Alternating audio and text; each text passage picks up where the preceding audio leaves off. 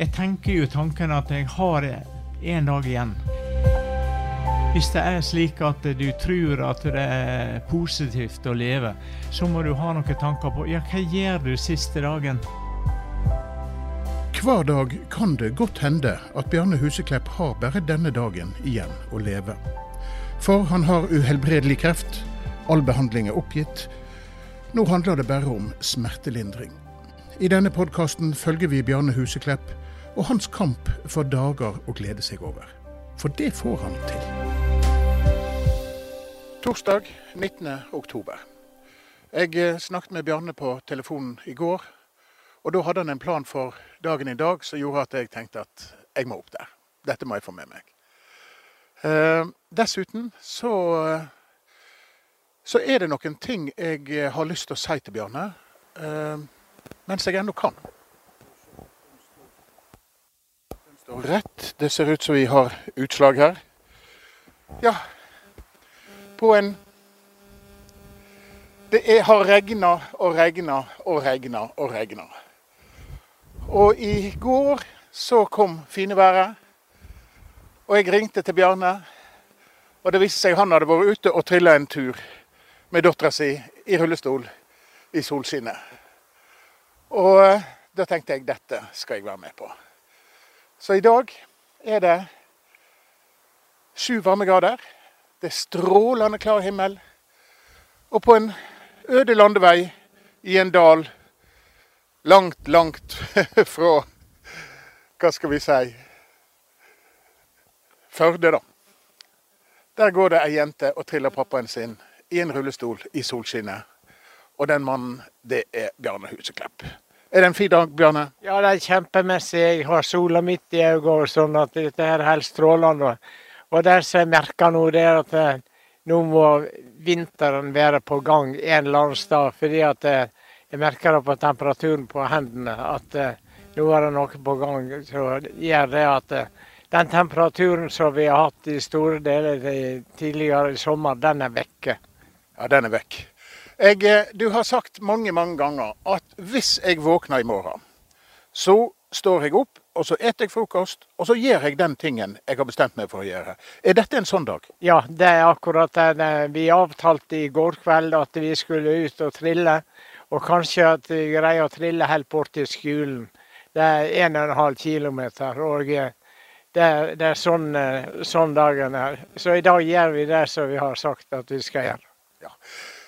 Eh, jeg har kommet på en ting. Det ringte en kar Det ringer forresten mange til meg og, og, og snakker om eh, podkasten, Bjørn. Og det skal vi komme tilbake til. Men det ringte en i går og eh, gjorde meg oppmerksom på Jeg tror du har fortalt meg det før, men jeg har ikke bedt meg merke i det. At du er æresmedlem i eh, Norges jeger- og fiskerforbund. Det stemmer. Og eh, der, ble jeg i, eh, i 15. 2015, når det var landsmøte i Haugesund. Ja. Og eh, Jeg har undersøkt dette her litt. Grann. Norges jeger- og fiskerforbund eh, ble stifta i 1873, stemmer ikke det? 71. I 71, ok. Det vil si at det laget har eksistert i 152 år. Og det er utnevnt til sammen fem æresmedlem. Ja. Ett omtrent i hver generasjon blir det. Det blir det.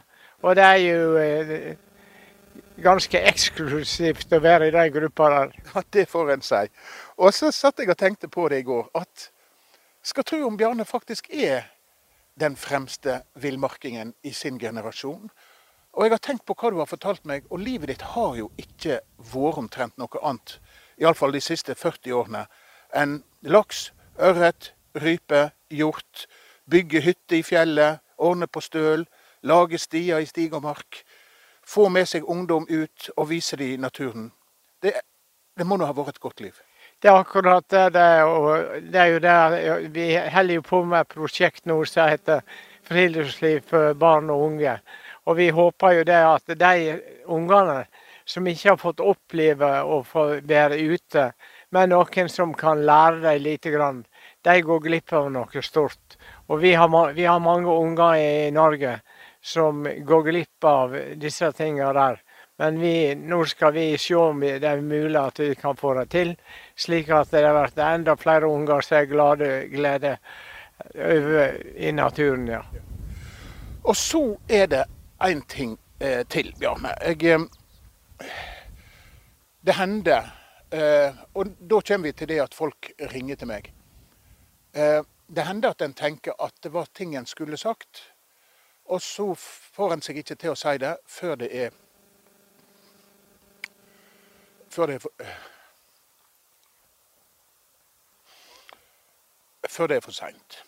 Og eh, det de sier, de som ringer meg, Bjarne, det er at for, et, for en mann, og for en livsvilje, og for en styrke Bjarne har, som greier å til siste slutt å få hver eneste dag til å inneholde noe å glede seg over. Er, du er et forbilde for veldig For veldig mange.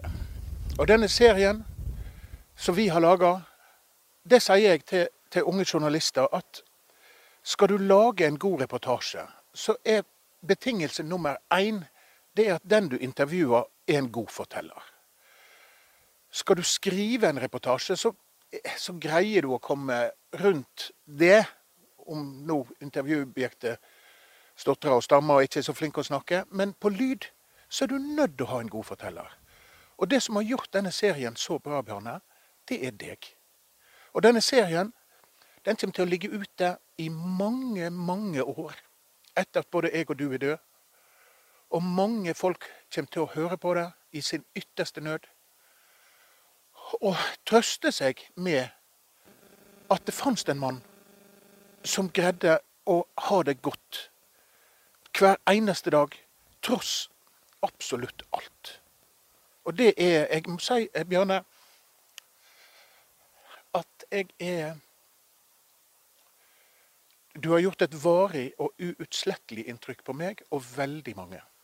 Ja, det er jo kjekt å høre. Og jeg har jo på en måte tenkt som så at eh, det høres gjerne litt dumt ut etter der at hvis jeg våkner i morgen, så skal, skal jeg spise frokost, og så skal jeg gjøre det som jeg har planlagt. Men jeg kan garantere at de som prøver den strategien der, vil få et helt annet liv enn eh, hvis de ikke gjør det. Nå skal vi trille videre i sola. Rett og slett. Kose oss litt.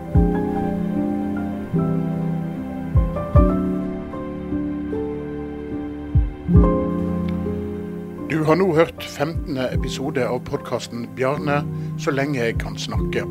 En podkast laga av Firda Media. Mitt navn er Ole Johannes Øvertveit, og denne podkasten kommer vi til å fortsette å lage så lenge vi kan.